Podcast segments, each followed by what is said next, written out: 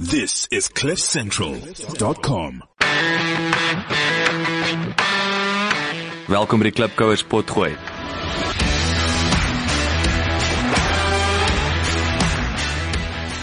Klipkouers waar ons elke week met Afrikaner entrepreneurs en impakmakers gesels ten einde die beste praktiese besigheids- en lewensadvies met jou te deel. Jou gasheer en mede-klipkouer, Jacques Basson.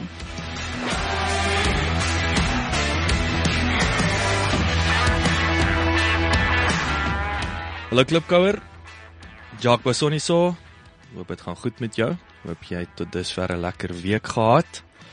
Ek hoop uh, ook nie jy het uh, dood gevries van die koue verlede week nie. Ek was uh, geskok geweest. Ek het 'n bietjie gaan golf speel verlede donderdag in Parys en uh die een oomblik was dit 36 grade die volgende dag in Johannesburg toe uh na die 9 gaatjies toe moes ek vir my 'n warm top gaan koop het. So dit was um is interessant hoe die weer verander hier so in Suid-Afrika, maar nietemin nog steeds baie lekkerder as Engeland. Uh so ek kla nie.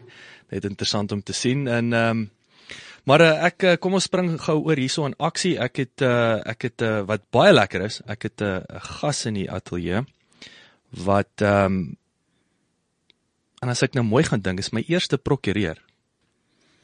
Ek's advokaat, maar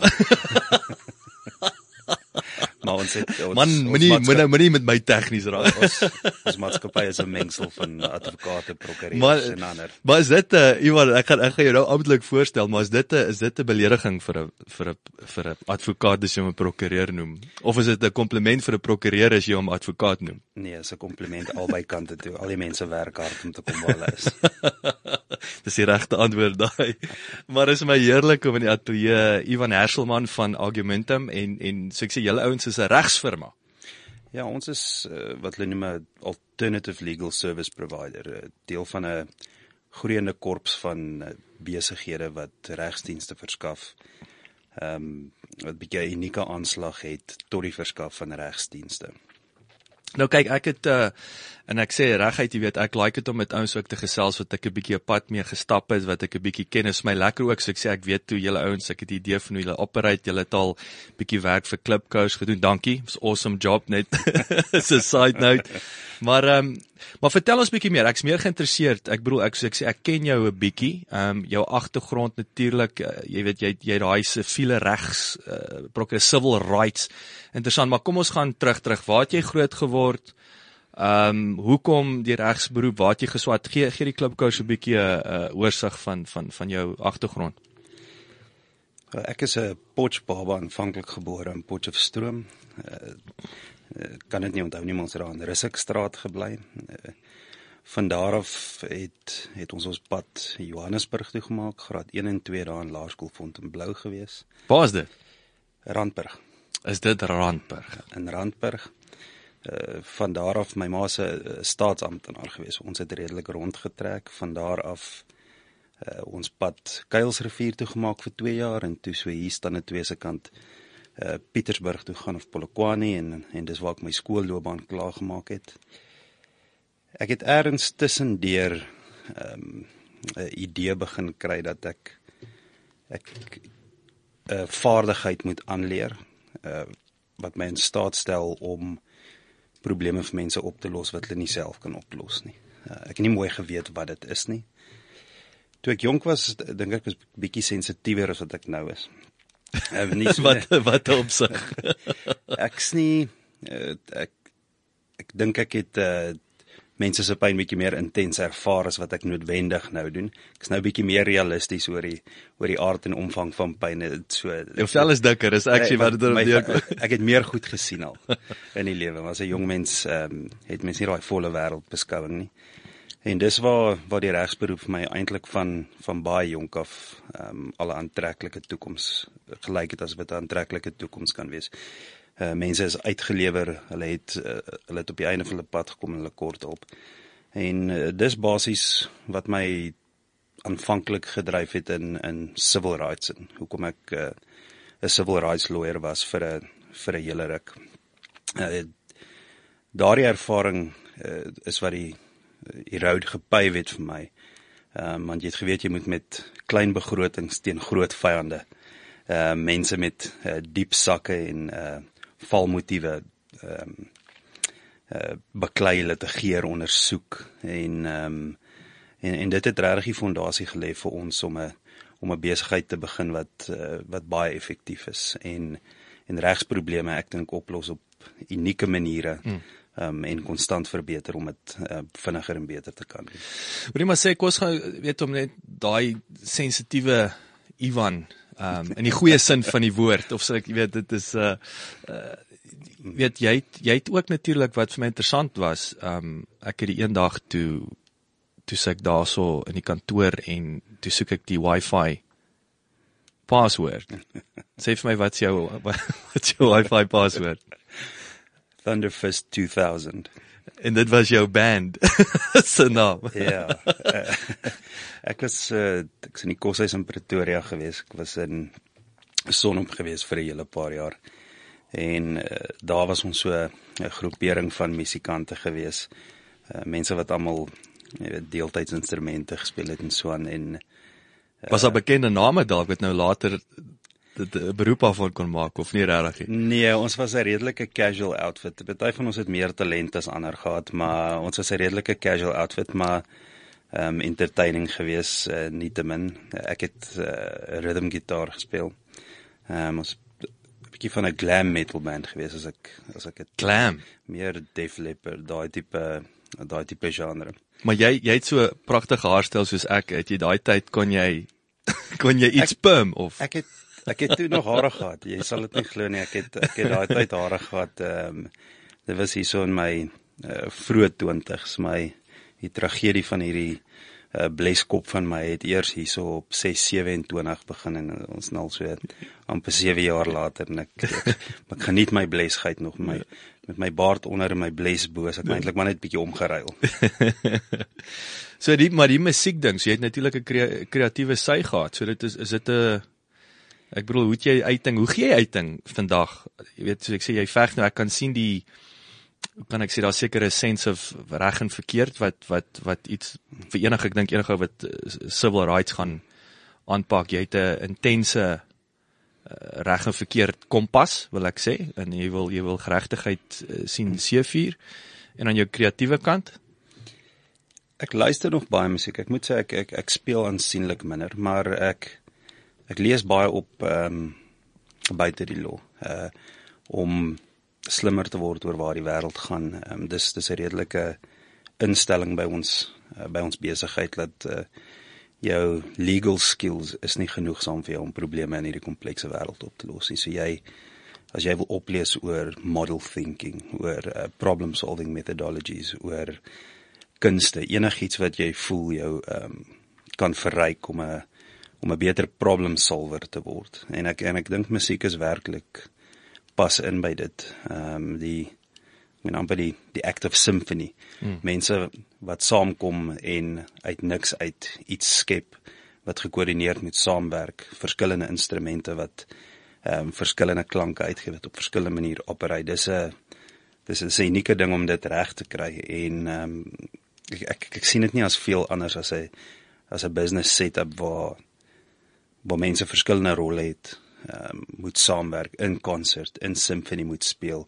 En wanneer dit tyd kom om te perform voor die mense, hmm. ehm um, moet jy jou act together hê and you got to do it right. Ehm um, jy moet terug gaan rehearsal, uh fix it, kry dit reg sodat wanneer die stage weer joune is, is jy on song. Ek dink dit is so 'n kragtige voorbeeld wat jy gebruik daar. Ek bedoel ek het nou op 'n paar onderhoude uh het ek het ek al en die ouens sal weet, ek praat altyd van ehm um, ons praat van right brain thinking wat natuurlik jou problem solving skills is en ek sê altyd eh, bring vir my die dag as iemand vir my sê 'n nuwe besigheidskool in in Johannesburg. Well for that matter 'n besigheidskool in die wêreld. En een van die vakke is jy moet 'n musiekinstrument kan speel. Dan wys ek vir jou die beste besigheidskool in die wêreld vir die blote rede wat 'n musiekinstrument vier beide breinlobbe op. En ek dink daar's min dinge wat dit kan doen.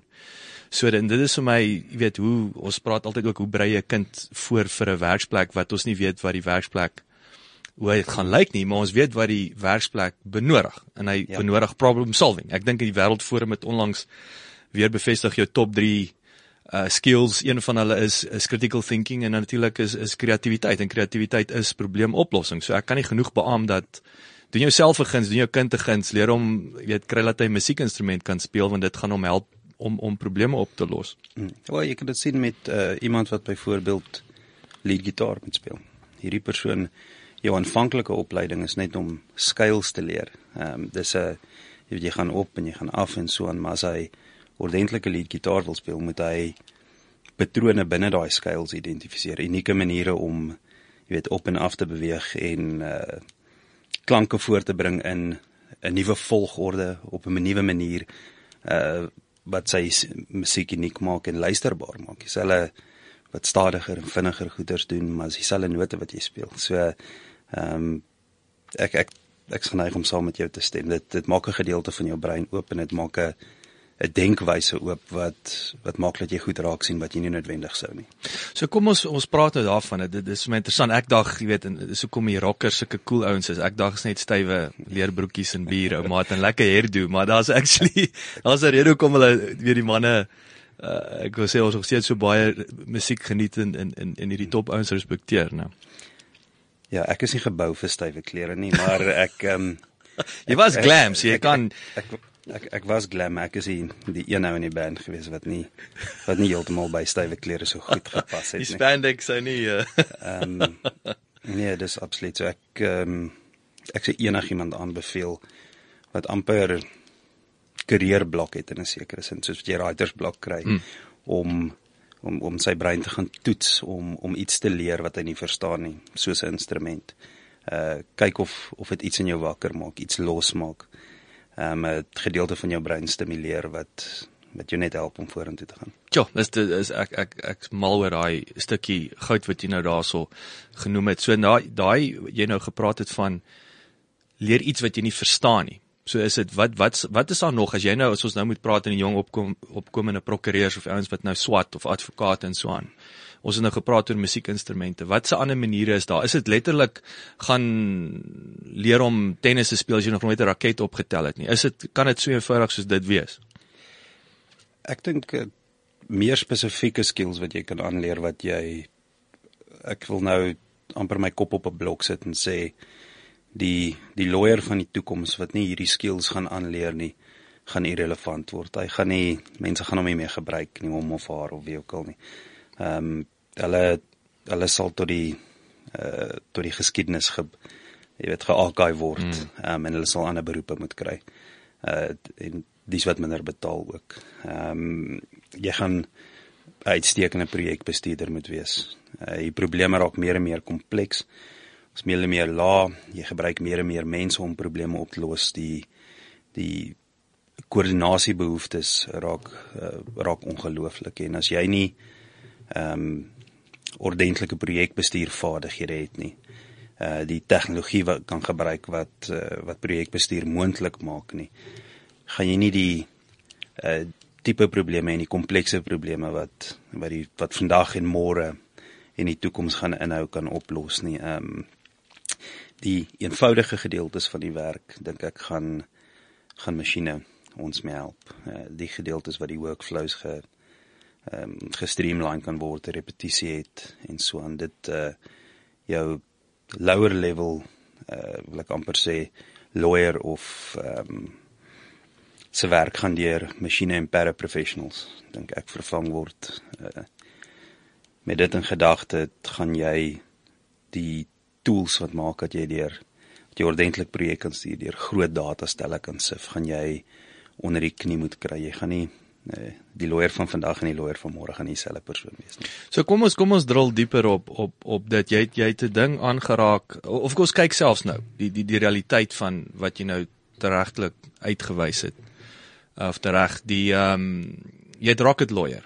Ek dink sover ek weet rocket lawyer is dink ek nou die grootste um online jy tik 'n ding in. Ek dink jy het Legal Zoom. But intendeel ek onthou ek het Legal Zoom ek het 6 jaar gelede toe registreer ek um Van Brock my besigheid die die die skep ek Amerikaanse entiteit. en ek het LegalZoom gebruik. Ek het nie met een persoon gepraat nie. Dit was alles aanlyn daai tyd. Ek weet LegalZoom, ek dink selfs nou mense hoor nog gereeld actually op op die groot die groot podcasters in Amerika sal sal weet LegalZoom adverteer en so aan. Ehm um, so daai is 'n realiteit. Dit raak 'n kommoditeitsdiens en ek dink uh, jy weet die die basics. 'n Komputer kan dit doen. Daar's templates, jy download die kontrak, jy vul die variables in. Ons sien dit met boekhouding. Ek dink dit is ook aan die gebeur dat 'n komputer 'n zero is is 'n klassieke voorbeeld. Ehm um, so dit is 'n realiteit. So kom ons praat jy het, jy het iets genoem. Jy het gesê meer mense. Jy weet en kom ons ek ek wil 'n bietjie die projekbestuur element beter verstaan. Uh en dan ook jy het gesê verskillende lae. So ek wil ek wil hê moet moet vir my wat niks van die reg uh, beroep af weet nie. Ons moet dit dumb it down vir ons, jy weet in terme van hoe lyk so 'n klassieke 'n uh, 'n uh, saak wat verskillende lae het wat jy moet projek bestuur. Maar okay, maar ek ek ek het nou 'n baie lang vraag gevra, maar is daai het jy meer mense nodig om daar meer probleme is? Of meer kompleksiteite is? My voorspelling is dat uh, die tipe spanne wat probleme gaan oplos gaan baie meer multidissiplinêr raak. So jy gaan nie noodwendig meer en meer en meer mense nodig hê nie, maar jy gaan meer dissiplines nodig hê om die probleme op te los. Maar dit kan 'n individu kan drie dissiplines verstaan of expert wees byvoorbeeld. Dis nie noodwendig dis dis nie noodwendig persoon per dissipline nie. Nee, nee, jy uh, jy kan 'n 'n lawyer en 'n data scientist terselfdertyd wees byvoorbeeld eh, okay. uh, sodat jy jou kliënte kan adviseer oor hoe om data aangedrewe besluite te maak, nie net jou hunches nie. Ehm um, dit sal 'n goeie voorbeeld wees van iemand wat twee dissiplines onder die knie moet kry om ordentlike regsadvies te kan lewer. Ons daai daai pel van my Henny wat advokaat nou geword het en hy's 'n hy's 'n 'n bourekenaar. Hy's 'n QS. Ja, ja, want dis 'n werk. So daai's 'n klassieke voorbeeld van van multidissipline. Ja, dis iemand wat wel, hy het letterlik 2 grade gaan doen. Ehm um, ek dink hy waarskynlik gaan die ouens sien noodwendig verskillende grade doen nie, maar ek dink hulle gaan die dissiplines begin merge. Jy gaan projekbestuur modules moet hê as deel van jou regsopleiding. Jy gaan miskien 'n bietjie statistiek en datawetenskap moet hê as deel van jou regsopleiding. Jy gaan ehm um, problem solving methodologies um, en model thinking as deel van jou regsopleiding moet hê. 'n uh, groter gedeelte, maar ek dink van werklik van baie baie dissiplines en wetenskappe en so aan gaan 'n groter fokus moet hê op uh, jou probleemoplossingsvermoë en jou vermoë om die uh, dit te kan projekbestuur om probleme op te los en die tegnologie en tools te verstaan ehm um, wat jou in staat gaan stel om probleme op te los. So pas die universiteit uh, aan. Ek bedoel kan jy kan jy nou daai vereistes in in in in in 'n weet ek gaan nie tikkies uitsonder nie, maar kos jy tikkies regsgraad. Is dit in die kurrikulum?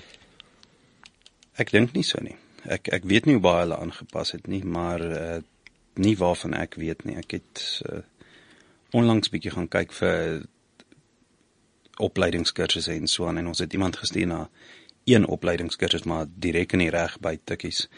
Maar ek weet nie of hulle al aangepas het. Ehm um, ek weet die die groot firmas reg oor die wêreld, ehm um, die groot vier uh, wat auditing en assurance houses, uh PwC, EY, hierdie ouens, Deloitte, ehm um, hulle sien dit en hulle begin met hulle interne opleidingsprogramme om dit reg te kry. Ons uh ek meen ons paralegals het vir 16 week kursusse gegaan ehm um, wat ons by aanlyn by universiteite gedoen het oor rasionaliteit oor hoe om probleme ordentlik op te breek in sy in sy eenvoudigste parte en te analiseer en so aan want uh ek meen uh, baie keer as jy 'n lawyer is as 'n jy het 'n hamer en alles lyk vir jou soos 'n spyker nê.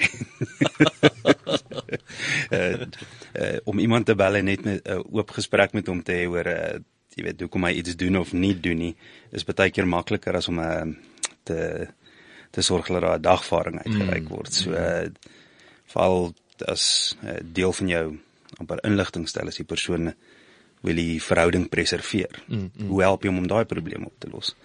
ehm um, as as dit 'n belangrike komponent en constraint tot die die tipe oplossings is wat hy kan gebruik om die saak op te los. Ja. Dis baie interessant. So so nou weer eens, kom ons kom ons raak aan die die tegnologie. Wat jy het nou baie belangrike punt gesê, jy moet weet van die tegnologie wat beskikbaar is. Wat is op hierdie stadium? Ek hoe gaan julle ouens te werk? Is daar nou maar net daai natuurlike nuuskierigheid om om te gaan kyk wat is die sagte ware wat jy het nou genoem projekbestuur? Gooi vir ons 'n paar name, wat gebruik julle? Wat kan die ouens nou gaan kyk en so aan? Kyk, as goedkoop en 'n uh, dierprojek uh, bestuur sagte ware vir vir enigiemand wat nie lus is om, jy weet, meer as 'n miljoen rand per jaar te gaan betaal vir 'n lisensie fooi nie. Is daar werklik baie opsies. Hulle kan gaan kyk na Raik, Trello. Ehm um, ek ek, ek dink dis twee wat ek die grootste sal aanbeveel. Trello is mos ehm um, werk die ouens nie, is liever op iPhones, is dit nie? Ja, Trello, Trello kan jy vir jou iPhone op werk. En dan is daar, jy weet, so baie integrations uh, van daar af. Ek meen ons het ons hele ekosisteem, tegnologiese ekosisteem is omtrent geïntegreer. Ehm um, ons projekbestuurstelsel, ons uh, cloud information management ehm um, is geïntegreer. Ons tyd uh, tyd neem uh sagteware is geïntegreer ons uh, tyd neem sagteware is met ons projekbestuur geïntegreer en met ons um, accounting system geïntegreer so Um, ons is baie daar naby daaraan om uiteindelik ons hele ek nou maar sê digitale ekosisteem geïntegreer te kan kry. En julle maar wie help julle met dit? Ons figure dit self uit. Ons figure dit ongelukkig, gelukkig of ongelukkig self uit. Ehm um, dit vat redelik baie tyd en ons het uh, ek ek is gelukkig om uh jy weet een van die ouens wat saam met my werk maar Redekker is tegnies is redelik sterk met tegnologie en hy hy het my verskriklik baie gehelp om hierdie goeders te ondersoek en te gaan kyk wat is ons opsies en dit beteken maar net langer ure mm, uh, en mm. en 'n tyd investment maar uh, dit los langtermyn probleme vir jou op. Ehm um, dit beteken daar waar jy uh, miskien 'n addisionele assistent sou nodig gehad het, uh, het jy nie. Jy mm, die jy kan verskeie mense koördineer, ehm um, die inligting op dieselfde plekke stoor van enige plek in die wêreld af access. Ehm um, dis belangrike belangrike belangrike infrastruktuur om om reg te kry vir vir groei en vir ehm um, produktiwiteit en effektiwiteit. Kyk en dan natuurlik 'n baie belangrike ding wat ek 'n groot aanhanger is, julle ouens is basies papierloos.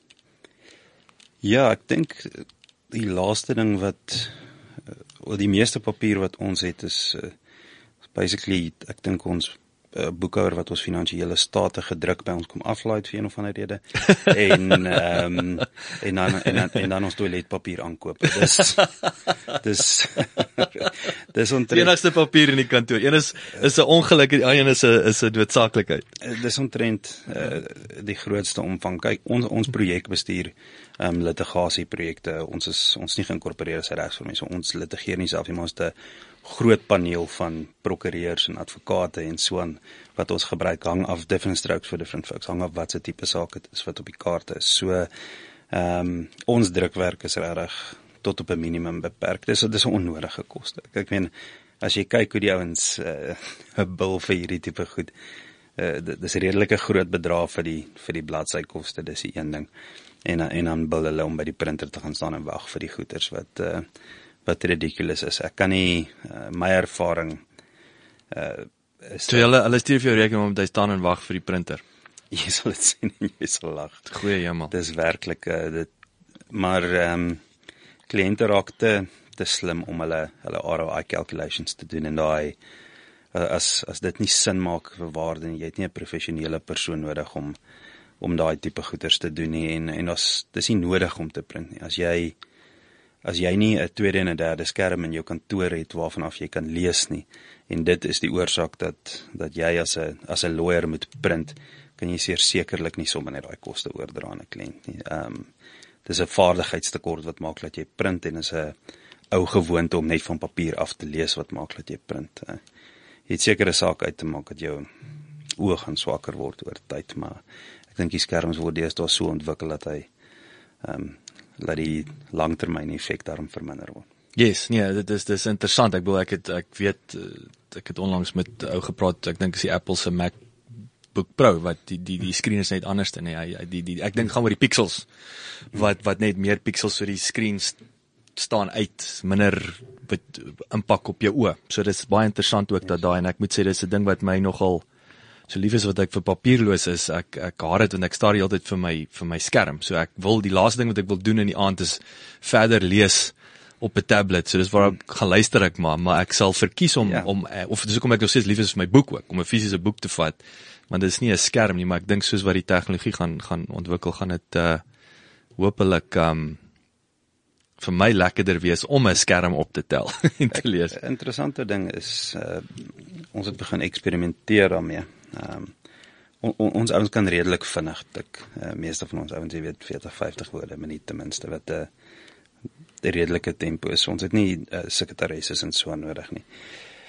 Maar uh, dat hierdie goed soos Google Diction, ehm um, waar jy kan in Google Docs um, praat dat hy dat hy die woorde vir jou tik. Mm. Uh, ek meen dit dis 'n dis 'n interessante tegnologiese ontwikkeling. Um, ek weet destyds was daar ander programmatuur wat dit ook gedoen het, maar ek meen die Google Suite is is nou so goedkoop en dit is Dragon was hy aan gewees. Dragon was hy hy was based in class. Ek onthou ek het met hom geëksperimenteer op 'n tyd. Ehm um, so so dis ook 'n 'n interessante verandering vir die toekoms dat jy kan praat en hy tik um, en jy kan dit dadelik lees. So hoe dit tradisioneel se gewerk het as jy nou die workflow sal kyk is jy dikteer in 'n masjienkie in. Ehm um, die type word uitgehaal, die type word op 'n Whoopie types gesit vir 'n sekretaresse, die sekretaresse luister daarna, die sekretaresse tik dit, die sekretaresse print dit, sy vat die geprinte weergawe terug vir die prokureur. Hy lees dit, hy maak met pen aantekeninge. Uh die dokument met die pen aantekening gaan terug, die veranderinge word gemaak, dit word weer teruggestuur dit word afgesaan. nou kan jy Goeie hemel. Jy kan uh, praat in die masjien en hy tik vir jou, jy kan sien hoe hy tik. Ehm um, en as jy jou tik skills goed genoeg is, dan kan jy dit sommer aan die spot verander. Dit is nie nodig vir vir 2 of 3 rondes se heen en weer nie. Maar daai ook is belangrik, net dat dat julle ouens werk vinniger om om op die belangrike op die probleem te fokus. So dis nie ook 'n kwessie van nou dink ek ouens se eerste gedagte seker, okay, nou moet die prokureur moet nou goedkoper wees om dit om dit hy nou uh, jy weet in Google kan inpraat en in in en drie stappe uitsny nie. Dit is net sodat julle ouens vinniger die data bymekaar kan maak om te kan fokus op daai probleemoplossing. Ja, ons is nie noodwendig goedkoper nie, maar ons jy wil soveel tyd kan spandeer as wat nodig is um, om die probleem werklik onder die knie te kry en die die verskeidenheid van opsies uh, goed te kan oorweeg en met die inligting tot jou beskikking op daai tyd die beste besluit te kan maak. Was ook altyd iets wat tekort kom voel ek in die in baie regspraktyke is die inligting insamelingsaktiwiteite. Ehm um, alhoewel 'n kliënt na jou toe kom en jy weet hy moet al die inligting gaan kry en so aan is hulle tyd beperk. So uh, amper sê jou executive tipe kliënt wil hê jy moet liaise met die mense in sy kantoor, jy moet die inligting insamel. As daar ander plekke is waar jy die inligting moet kry, moet jy dit kry en jy moet self inisiatief neem met dit.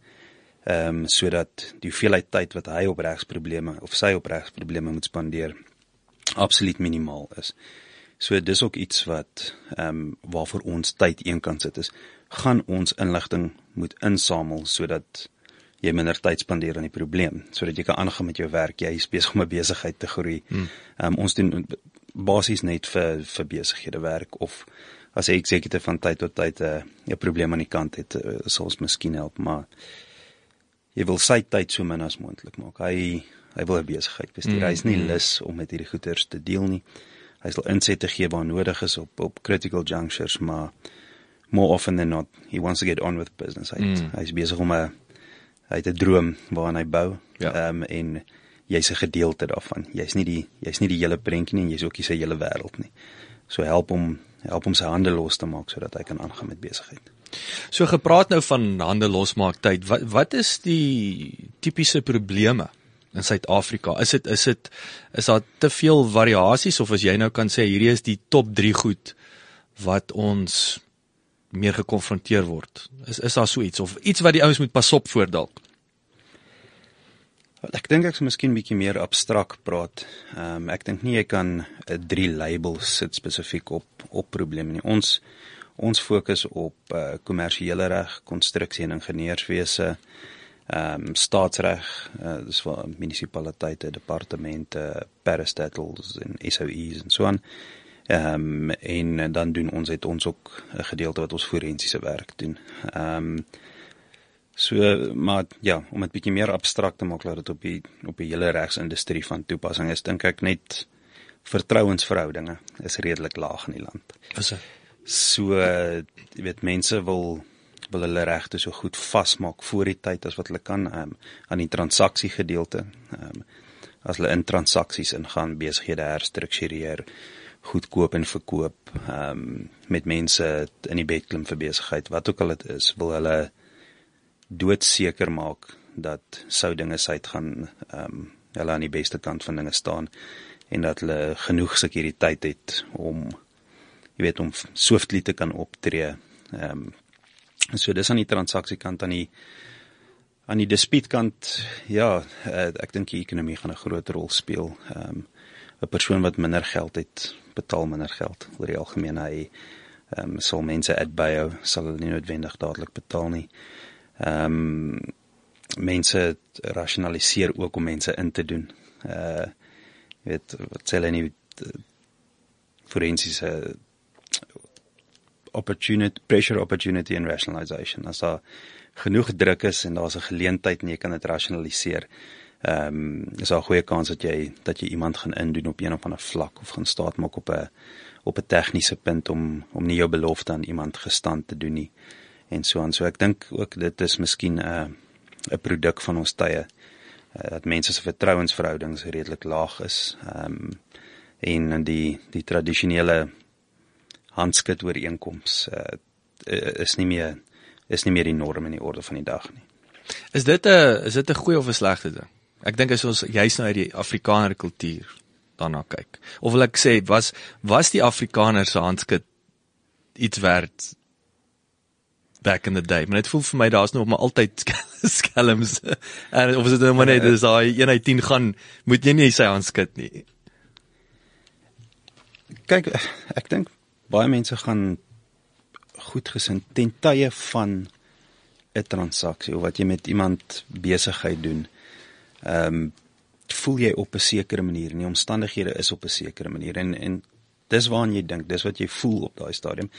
So jou bedoeling is nie noodwendig om die persoon in te doen nie te betaal nie, nie ehm um, jy weet wat ook al laat te presteer nie. Dit dit is nie jou bedoeling op dag 1 nie. Jou bedoeling is om jy weet 'n suiwer pad met hierdie ou te stap en en goeie besigheid te doen, maar omstandighede verander, jou rangorde van prioriteite verander, jy weet uh, jou uh, jy sit miskien met 'n 'n staking by jou werk en masjiene wat gebreek is en dan 'n supplier wat jy moet betaal. Nou moet jy tussen hierdie drie goed moet jy opweeg wanneer watter een betaal jy want dis dis moeilik om daai goed te prioritiseer. Dis nie nou, nou, nou ek wil sê dis amper nie premeditated nie, nee. Dis nie jy oud nou wakker geword. Ek sê al die ouens word nie, wel die meeste ouens dalk die Guptas word wakker en sê ons gaan nou iemand skroe vandag nie. Nee.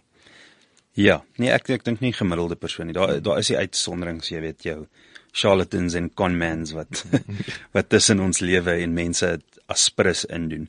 Maar die meerderheid van mense werk maar net met die inligting wat hulle tot hulle beskikking het op daai tyd. So wanneer dinge verander of sy situasie verander of haar situasie verander, ehm um, raak dit moeilik. Dan dan begin hulle herprioritiseer waar waar iemand moontlik 'n prioriteit was, uh, moet daar herprioritiseer word. Maar aan die ander kant, uh, daai tipe gesprekke moet net uh, moet net oop gebeur. Ek het uh, weet ons het agtergekom dat ehm um, waar iemand byvoorbeeld in so 'n posisie is, jy weet hy's uh, hy's besig om 'n besigheid oor te koop, maar hy, hy wil 'n reëling tref om in tranches te betaal en hy sal sekere sekuriteit gee en, en dan as hy laat moet lewer op op van hierdie goeders dan ehm um, is is 'n oop en honest gesprek oor jou situasie die beste pad vorentoe. En dit het nie noodwendig iets met uh, regsdienste uit te waai nie. Hmm. Dit dit sal baie keer die advies wees, die gevolgtrekking waar tot ons kom. Kom ons bespreek met hierdie persoon watter plan ons kan maak om het sy te kompenseer of die persoon gerus te stel vir dat ons nie presteer soos ons moes nie. Mm. En ehm um, dis dis baie keer net 'n oop en eerlike gesprek eerder as kwaai briewe en jy weet 'n 'n general sense van antagonisties wees teen 'n persoon omdat ons in 'n adversarial system, mm. legal system werk. Of of ek onthou nou, ek ek is ek onthou ek het in die begin van die jaar, ek gaan nou nie weer hulle naam noem nie, ek het ek die agentskap uitgeroep wat ons ons ons eerste huis nou hierso gekry het en ehm um, oor hulle swak diens, maar ek onthou toe gesels ek met 'n pel van my diefran, ek ek hoop jy luister. Ehm um, maar ehm um, ek het vir hom gevra want hy hulle spesialiseer is ook prokureurs maar is meer aan eiendom en so aan en ek sê toe vir hom luister ek som hulle om om nie hier te betaal nie want dit is nou belaglik. Dis sê vir my dis die laaste ding wat jy moet doen. Want maak nie saak hoe baie verkeer die aanhou is, die oomblik wat jy ophou hier betaal het, dan breek jy die kontrak. Jy weet, so maak seker jy betaal jou hier en van daar af is daar ander maniere om dit, maar dit was my onbliklike go-to was ek gaan ophou betaal. En ek dink soms jy weet, ek wou amper sê dis geregtig, maar in die proses sit jy jouself op op op die op die agtervoet. Uh of skiet jouself in die voet letterlik uh, in daai opsig. Ja, jy weet in, in sulke omstandighede, jy weet baie keer is daar 'n situasie waar waar werklik soos ek net nou gesê het waar iemand ehm um, sit met uh help by die ou met die koel in die kop of die mes in die hart. Uh dis dis die goed wat hy moet opweeg. So ja. Ja, hy het geen opsie maar om kontrakbreuk te pleeg nie. Hy al wat hy moet doen in daai omstandighede is hy moet die risiko's verstaan. Hy moet hmm. verstaan wat is die net effek, die waarskynlike net effek van sy kontrakbreuk. As hy dit moet doen om 'n hoër belang en 'n hoër prioriteit te in stand te of reg in stand te of te jy weet 'n posisie te reserveer. Hmm. Ehm um, is dit baie keer wat moet gebeur. Dis onwenslik, maar ehm um, is amper sê as 'n uh, munisipaliteit moet kies tussen 'n uh, opleiding vir amptenare of geld te spandeer om waterinfrastruktuur te op op te gradeer die die amptenare mag miskien kontraktuele reg hê om opleiding te ontvang maar dit kan nie gedoen word ten koste daarvan om om waterinfrastruktuur te hê mm. dis die mense sit met sulke komplekse besluite en baie keer is dit werklik sodat 'n uh, persoon moet die nagevolge maar net aanvaar van kontrakbreuk omdat hy probeer 'n belangriker en beter posisie versterk met reg. Daai ek wil ek ek verstaan presies wat jy sê. Ek onthou op 'n tyd 2012 het ek um die skoonmaak besigheid uh, in Londen het jy weet soos jy ons weer is 'n kapitale intensiewe uh, industrie. Jy weet jy betaal jou skoonmakers elke 2 weke. Kliënt is gelukkig geskred dalk in 45 dae betaling. Ehm um, en jy weet so in in in die die die die skoonmakers nie 'n opsie om hulle is is hy nie betaal word of sy nie betaal word daag nie op nie, dan verloor jy die kontrak. So baie eenvoudig. En op 'n stadium dit was dit. Ek het ek moes lening aangaan en ek onthou op 'n stadium met die cash net heeltemal opgedroog, maar dit was 'n kwessie van hou ek die bank gelukkig hmm. of betaal ek die salarisse Vrydag. En dit was vir my 'n no-brainer om my salaris te betaal want as ek nie die salaris betaal betaal die bank is my besigheid verloor ek die helfte van my kontrakte aan, aan die einde van die week of en en dan jy net soveel het 'n sneeubal effek so ek ek ek kan heeltemal verstaan dat jy in daai so jy sê mes in die hart koel in die in in in, in die kop ding as 'n baie goeie voorbeeld want uh, ek meen jy het nou tipies 'n eintlik kontrakbreuk teenoor die bank gepleeg ja. onder, die, onder die omstandighede ja. maar sou jy nie kontrakbreuk gepleeg het teenoor hulle nie sou jy in 'n situasie gevind het waar jy uh sit met mense wat sê wel ons kom nie werk toe nie. Ja. en dan kan jy nie eens die geld genereer wat jy nodig het om te genereer om die bank te betaal nie. Hmm. So dit ehm um, dis 'n besigheid, dis 'n dis net 'n intelligente besigheidsbesluit. Dis is uh, dis 'n gesprek wat ons baie is regs wat om te doen in met 'n regsaak of met 'n regsadvies en waar dit inpas um, in 'n ou se wêreld en dit is maar net inligting wat gegee word in 'n proses wat bestuur word om uitvoering aan 'n besigheidsbesluit te gee. Hmm. Daar's nie daai gedeelte, die regsgedeelte en dan die besigheidswêreld nie. Die twee goed is intermingled. Hulle is hmm. gemesh met mekaar. Alles wat ons doen is om besigheidsuitkomste vir besigheidseienaars te bereik. Dis alwaar ons inpas. Ons is nie 'n uh, ding hier langs die kant wat wat operate met sy eie mind en nie die die besigheidsopset en die besigheidsdoelwitte van die besigheidseienaars in ag kan neem nie. Ek wil ek wil terugkom na die jy weet en is weer jou jou punt van multidissipline. Ehm um, kan jy sien hoe soos wat die tyd aangaan, gaan gaan daar meer want dit voel vir my die die die sagte ware wat julle ouens gebruik. Jy weet dit is 'n is 'n mishmash, nê. Nee, julle julle besluit vyf verskillende goed wat die job doen. Ehm um, is daar ouens wat sagte ware maatskappye wat spesialiseer wat 'n one-stop shop is? Of is kan jy sien dis iets wat gaan gebeur as ek nou net 'n 'n besigheidsidee daar kan uitgooi vir vir sagte ware ontwikkelaars om vir 'n 'n prokureursfirma one-stop shop te wees wat al daai funksies kan? Daar is ouens uh, soos uh, Reuters, Thomson Reuters wat ehm um, legal tech begin ontwikkel en maar dis nou weer groot seën seker groot spelers of Ja, maar ek ek dink hulle produkte sal goedkoper word oor tyd en en gemik wees om op 'n vir 'n breër mark. Ehm um, ek dink ook firmas gaan groter word waarskynlik. Uh, ek lees ander dag iets soos ja, ons is nou alternative legal service providers. so Die ehm um, die analise tel nou nie vir ons nie. Maar uh, dat 95% of 90% van uh regsfirmas, prokureursfirmas in in Gauteng dink ek is uh vyf mense of onder, vyf lawyers of onder. Pragtig. Ja. So dis interessant. daar's eintlik ehm um, nie so baie groot firmas daar buite soos wat ou dink nie wel ten minste proporsioneel tot die hoeveelheid. Maar maar daai daai is my interessant want ek het nou eendag met 'n ou gesels wat uh, ons het oor die ehm um, sekuriteitsindustrie in Suid-Afrika gesels. Dis 'n genoteerde uh, maatskappy. En hy sê vir my die groot spelers in die mark ehm um, wat is ek wat nou slat my brein blank wat is die groot sekuriteits ehm um, G4S Ja, of ouens wat die ouens gebruik by die huis. Jy het mos Chubb en jy het O, ehm ja. um, wat jy um, ek wou nou gesê AD- ADHD, dis mos dis 'n siekte, dis nie 'n ADT of wat is ADT, ja. ADT. Hy sê daai in en en en Coin en en Bitwest. Hy sê is net 20% van die mark. Hy sê die ander 80% is die bakkie brigades wat vir my interessant was. En en, en tog as jy as jy rondkyk, sê jy dink die groot ouens domineer die mark. So dis vir my dis vir my goeie nuus. Dis vir my goeie nuus om te weet dat jy hierdie entrepreneuriese weer daai 5 in in in minder. Dit is rykdomverdeling nommer 1 mm. en nommer 2 dit is dis is baie meer entrepreneurs wat vir my 'n goeie ding is. Ja, ek dink so. Ehm um, die ouens het lae oorhoofse laer oorhoofse koste. Ehm um, hulle baie van hulle werk uit hulle huis uit en so aan. So hulle hulle kan die kostes baie laag hou en hulle kan die kan die diens waarskynlik teen teen goedkoper lewer. Ek dink as uh die tipe basiese uh amper mense en skills wat jy nodig het om om nie heeltemal te toegegooi te wees in werk en genoeg tyd aan aan probleme te kan spandeer kan dalk problematies raak. Ehm um, vir jou vir jou eenman saak tipe tipe besighede, maar t- ek ek dink daar's net te veel te veel probleme daar buite. Ek ek dink hulle ek ek glo actually dat die medium size firma dat daar dat daar baie meer medium size firmas in die toekoms gaan wees. Ehm um, jy weet jou tipe van 'n 20 20 lawyers en op tipe besigheid. So meer 'n konsolidering van die van die mark. Ja. So soos wat die weer eens soos jy sê die projekbestuur amper. Jy kan jy kan dalk 5 klein firmas onder een dak hê. Ja, en en dit tesame met ehm um, mense wat saamwerk actually.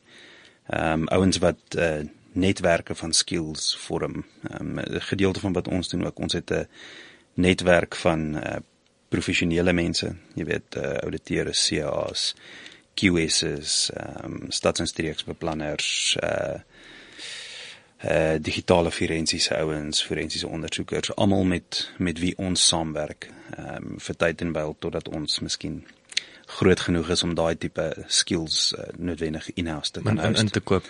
Ehm um, en ek ek dink dieselfde gaan gebeur onder die regsouens die ou wat uh, spesialiseer in insolventies wat 'n een eenman praktyk het gaan gaan miskien hande vat saam met die ou wat in uh jy weet kommersiële reg of staatsreg of wat ook al um, een van 'n ander veld van die law spesialiseer um, om saam sake aan te pak. Ehm um, as 'n jy weet 'n 'n jo- 'n joint venture sodat hulle kan kompeteer met die met die groter firmas wat daai skills in-house host. So nou om daai jy, jy jy het nou hierdie netwerk. So is dit ook baie goed as deel van julle verkope strategie. Want want my vraag is dan hoe kry julle nuwe besigheid? Jy praat nou ook van daai klein ou wat ehm um, vyf manne, wat ook al vrouens ehm um, help dit met met nuwe besigheid om met daai weet jy het nou gepraat van um, kom ons vat nou die die, die rekenmeesters of 'n uh, 'n uh, 'n uh, landmeters wat ook al. Bring hulle dan ook vir julle besig? Sê luister ons hierdie probleem kan julle ja.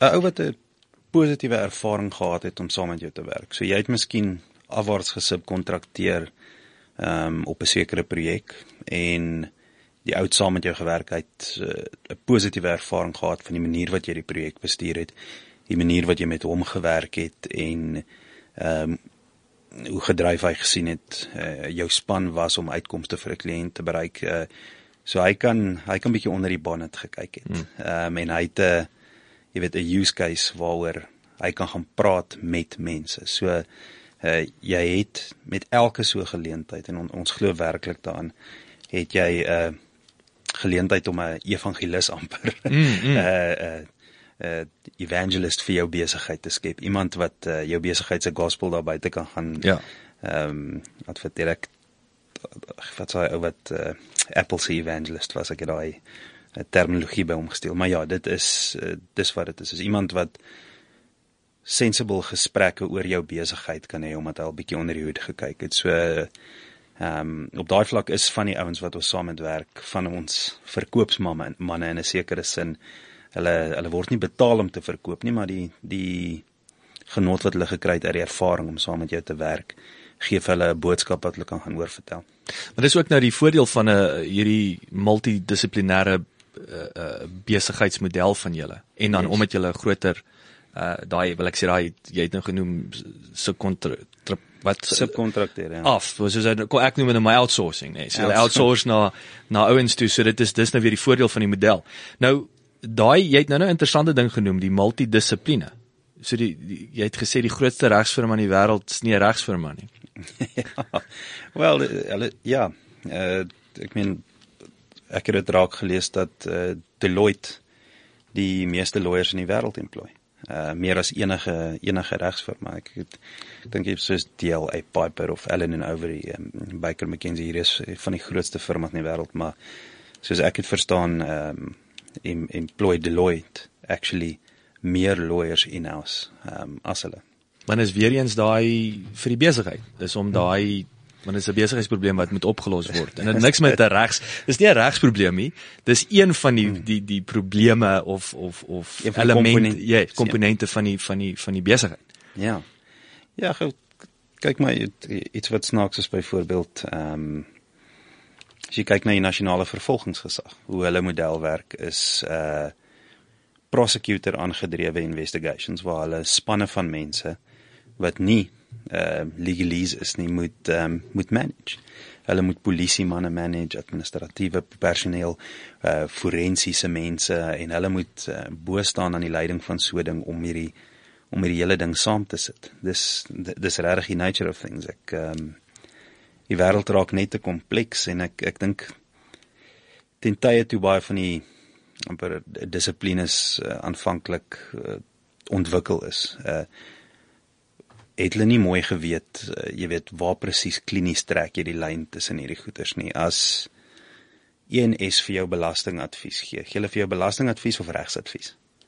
Ehm um, want belasting het wetgewing mm. en die wetgewing is van toepassing op die uh jy weet op op jou belasting ja. sake en op die dispute. So wat is dit? Is dit nou ehm um, waar trek jy daai lyn? Dis nie dis nie so klinies as wat mense dink nie. Uh en ek dink dis hoekom die die multidissiplinêre firma gaan toeneem. Jy sien dit klaar in die boubedryf.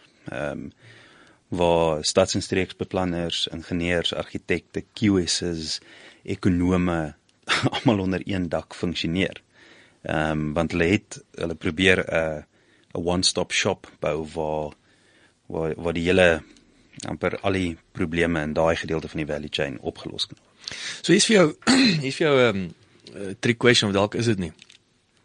Ek het gister of eergister weer met 'n pel gechat, hy's ingenieur en uh die wat vir my interessant was, ons het gepraat oor hoe Suid-Afrika jy weet aan die ekstreme kant het ons het gery net op die motorweg en kyk hoe karre lyk wat um onpadwaardig is of die ou taxi wat in die geel lyn op die rooi lig verby. So daar's seker die van hierdie wetloosheid wat ons almal elke dag sien.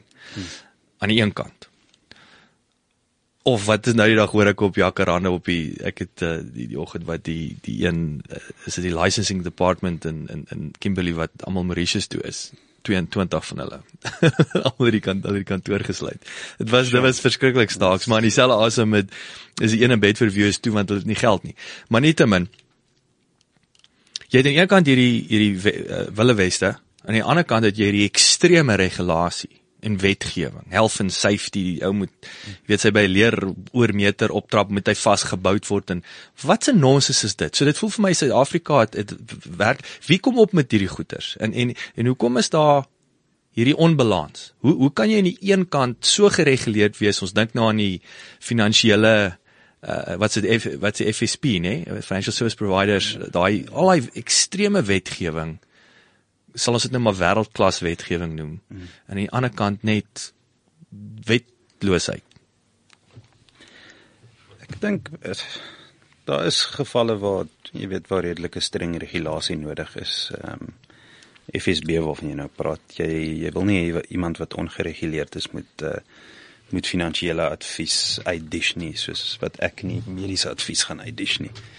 Ehm um, so dis regverdig in 'n sekere sin, maar daar daar is gevalle waar daar 'n uh,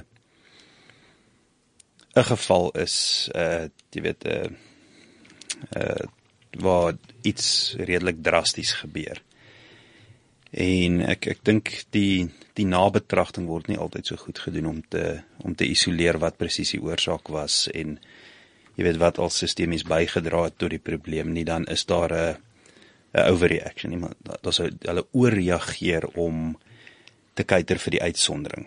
So nou word al die mense onder dieselfde kamp geskeer en hulle moet comply om daai een uitsondering te verhoed. Nou die die nagevolge van Sweets kan drasties wees. En die cost of compliance is verskriklik. Die die tipe staf wat jy moet aanstel, ehm um, So dis 'n dis 'n knee jerk. Dis 'n en dan is 'n dom knee jerk reaksie is 'n dom knee-jerk reaksie baie keer en ek meen om as jy wetgewing opstel moet jy eintlik uh, sê die kabinet het eintlik ehm um, gelas laat laat die uh, die departemente wat die wetgewing ehm um, stuur vir parlement om aan te neem dat hulle moet uh, regulatoriese impakstudies doen wat uh, eintlik maar 'n bietjie van 'n wetenskaplike analise is om te kyk wat die impak van 'n wet gaan wees uh, op die gemeenskap en op die op die actors in our ecosystem. Hmm. En maar baie ouens doen dit nie. So was baie uh, wat eintlik voorsienbare nagevolge is, ehm um, wat hulle dan nie voorsien nie. So uh, jy weet miskien die die cost of compliance vir die bulk van die mense maak dat daar afleggings is laer af in die in die ketting. Hmm. So jy moet miskien jy kos die kos die land werk in in in in in in die proses om 'n om 'n wet om vir vir 10 ouens Dit eh, kan so iets wees, jy weet jy met uh 10 ekstra compliance officers opstel wat beteken uh jy beplan eerder om masjiene te koop wat mm. wat werkgewers vir wat ehm um, arbeiders vervang want uh jy jy kan net nie meer daai daai koste dra vir so lank nie. Uh, dis dis uh en dit kom dit consequences. En dit kom weer terug na hoe belangrik dit is om dit maar dis besigheid. Dis 'n besigheidsbesluit. Dis eintlik, nê. Nee. Ek bedoel jy met die waardekette verstaan en dit hmm. is hoekom 'n politikus en besigheid ongelukkig die twee gaan gaan gaan nooit saam nie. Ehm um, so gepraat van ek wil nou vir jou laaste vraag vra. Ek sien die tyd daal ons hier in. Die en so gepraat van wetgewing, weet ek is ek sê ek's 'n groot fan van outsource en ek dink weet Suid-Afrika het het het het, het regtig 'n groot geleentheid om uh veral in finansiëel en die regssektor hmm. en selfs die die die die kreatiewe industrie enigiets wat jy hier kan sit in design design kan jy vir vir 'n ander uh maatskappy of of of besigheid in 'n ander land doen. Ehm um, wat wat se lande het het soortgelyke regs ehm um, weet stelsel of is dit nie eers belangrik nie? So dit dis wat ek wil sê. Is is is die tipe wetgewing want ek weet een is mos Romeinse reg en ek weet nie wat se ander Britse is dit Britse? Ek weet nie ek is dit belangrik om besigheid te doen byvoorbeeld vir Hollander? Of is dit weer eens dit is daai om die die die hoe kan ek sê daai probleemoplossing moet En hier's my vraag. Is daar baie nou 'n korrelasie tussen die probleem wat jy moet oplos en die wetgewing van die land? Of is daai probleemoplossing wil ek sê 3 kwart ek het niks te doen met die wetgewing per se nie. Kyk, nie net die wetgewing is die die toestand van die regstelsel. Ehm um, jy weet ek kan voorsien as jy uh, in 'n land is waar jy miskien binne 10 maande op verhoor kan wees vir argumentsonthaalwe versus waar jy in 'n land is waar dit jou sê in Suid-Afrika kan dit jou 2 tot 3 jaar vat om 'n Hooggeregshof datum in Pretoria te kry. Uh gaan jou gaan jou benadering miskien verskil, jy weet jy gaan miskien eerder wil ehm um, kyk om te arbitreer om 'n om 'n ooreengekomme oplossing met 'n onafhanklike arbiter na te streef eerder as om hof toe te gaan, maar as jy in 'n geval binne 10 maande in die hof sou wees uh, om jou probleem op te los uh en jy jy, jy het redelik vertroue in jou bank en uh, die dat daar iemand daar is met die uh, tegniese en regskennis om om jou probleem uh, jy weet aan te hoor sal jy ehm um, sê jy miskien eerder daai roete volg. So die die omgewing en die jurisdiksie ehm um, gaan 'n verskil maak. Maar maar dis een van die redes hoekom uh, internasionale arbitrasie so groot word. Ons het uh, internasionale arbitrasie wetgewing aangeneem in Suid-Afrika sodat uh, mense van verskillende lande onder dieselfde reëls kan arbitreer. OK. Ehm um, en en dis interessant tussen Afrika en China, Afrika en die res van die wêreld en en dit help baie. Ehm um, sodat daai amper disjuncture if you will. Ehm um, nie so erg is nie. En en party van die uh stelselsverskille, die regstelsel verskille, wetgewing verskille en so aan um, aangespreek kan word. So de, so in daardie opsig is daar groot geleenthede vir Suid-Afrika in die toekoms om daai om julle dienste uit te voer wil ek as ek dit so kan stel.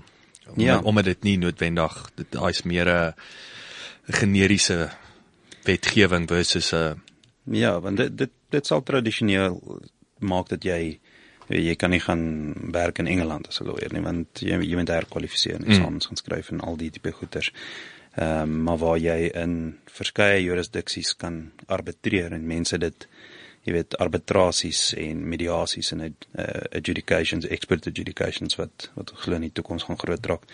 Ehm um, as jy daai tipe goed cross border kan doen ehm um, reg oor die wêreld ehm um, op op en julle min of meer op dieselfde reëls werk. Uh dink ek gaan ons sal goeie kans dat lawyers ook meer globalized gaan word of vir die amper problem solving firms if you will. Ja, ja. maar, ja, maar dit is vir my interessant want ek weet in Engeland jou mediators. Dis 'n ding wat ek onthou al 4 jaar terug, maar dis 'n 'n Willie Wally wat 'n diploma kan gaan doen. En hy is net baie kalm en en jy gaan sit en jy hou die die twee kalm en probeer 'n probleem oplos. Maar nou versus om te sê okay, nee, ons is 'n regsfirma wat vir jou daai mediasie diens kan lewer meneer Engeland. Uh vir teen dieselfde koste argument so dalwe, maar ons bring net 'n diepere want jy hoef nie die weer eens, jy hoef nie die Engelse wetgewing en al daai goeters nie. Dis net daai maar jy is superieur teenoor 'n gewone ou wat sy diplomaatjie gaan kry het in in, in mediasie.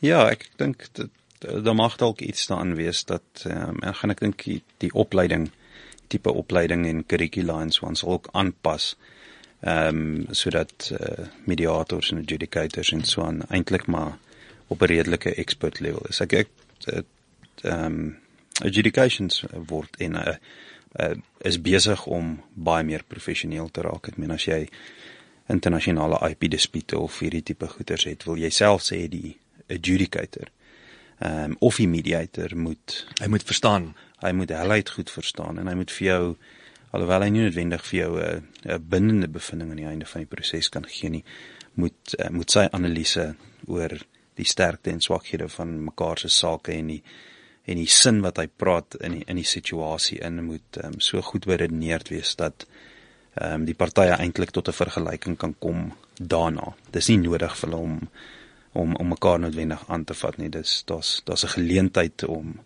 laat uh, rasionele denke seefuur op daai stadium. Laaste vraag, regtig. Ehm um, daai mediator, is daar persoonlikheidsdinamiek wat benodig word in kos en so 'n situasie of is dit regtig die kundigheid? Uh, of help dit as jy nou 'n nice ou is wat kalm en geduldig en jy bring sommer net 'n kalmte in die in die kamer in. Ek dink jy daar is 'n persoonlikheidsdinamiek wat 'n voordeel sal hê in so 'n situasie gegeewe jy weet nou waarvan jy praat. Wel, jy moet ek sou skat. Ek ek het nog nie opgelees daaroor wat ek al of waar 'n sekere persoonlikheidstipe is nie, maar uh, as ek nou maar my 2 sent kan gee, so ek uh, skat jy moet uh, jy moet 'n baie objektiewe persoon wees. Uh, nie te veel te voorbeoordeeld wees nie. Um, as jy met te sterk idees of ehm um, uh ideological propositions mm. en so dinge gaan as jy byvoorbeeld 'n uh, 'n huwelik gaan mediate en um, jou idee oor wat 'n vrou se plek in die huis is. Mm. Ehm um, jy weet weeg swaar op uh, op jou interpretasie van van hoe 'n dispuut besig is om af te speel en hoe jy dit moet mediate gaan jy met 'n probleem sit. Jy mm. gaan nie ordentlike objektiewe analise daarvan doen nie. Ehm um, so ook as 'n sê maar internasionale mediator of 'n uh, nie van Amerika nie meer en nou moet hy uitwerklik hmm. bevooroordeel teenoor hulle en nou moet hy Amerikaanse maatskappye se sake adjudicate sou dit 'n probleem is. So ek dink objektiviteit baie baie belangrik. Jy moet obviously met 'n ferm hand mense kan stil maak en hmm. en die klas van goeders maar ek ek sou sê solank jy eh, van 'n persoonlikheidstipe kant of 'n uh, 'n rustige en rasionele persoon is wat wat baie objektief na dink kan kyk en en oop is oor jou biases en nie laat dit ehm um, inspel op hoe jy na die saak kyk nie. Ivan Herselman van Argumente was heerlik om jou te gesels. Dit is 'n heeltemal 'n ander wêreld hierdie.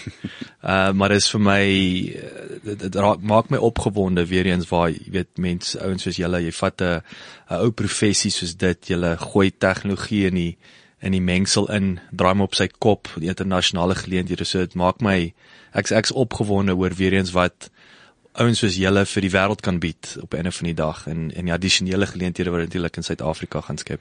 Ja, baie dankie dat ek uh, hopelik kon bydra tot julle groeiende body of knowledge hierso. Nee, jy definitief. Dankie weer eens. Dankie, Joe.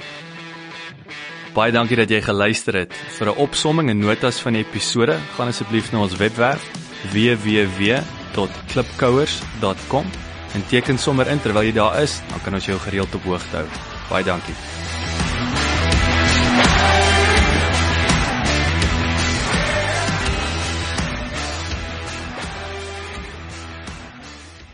This is CliffCentral.com.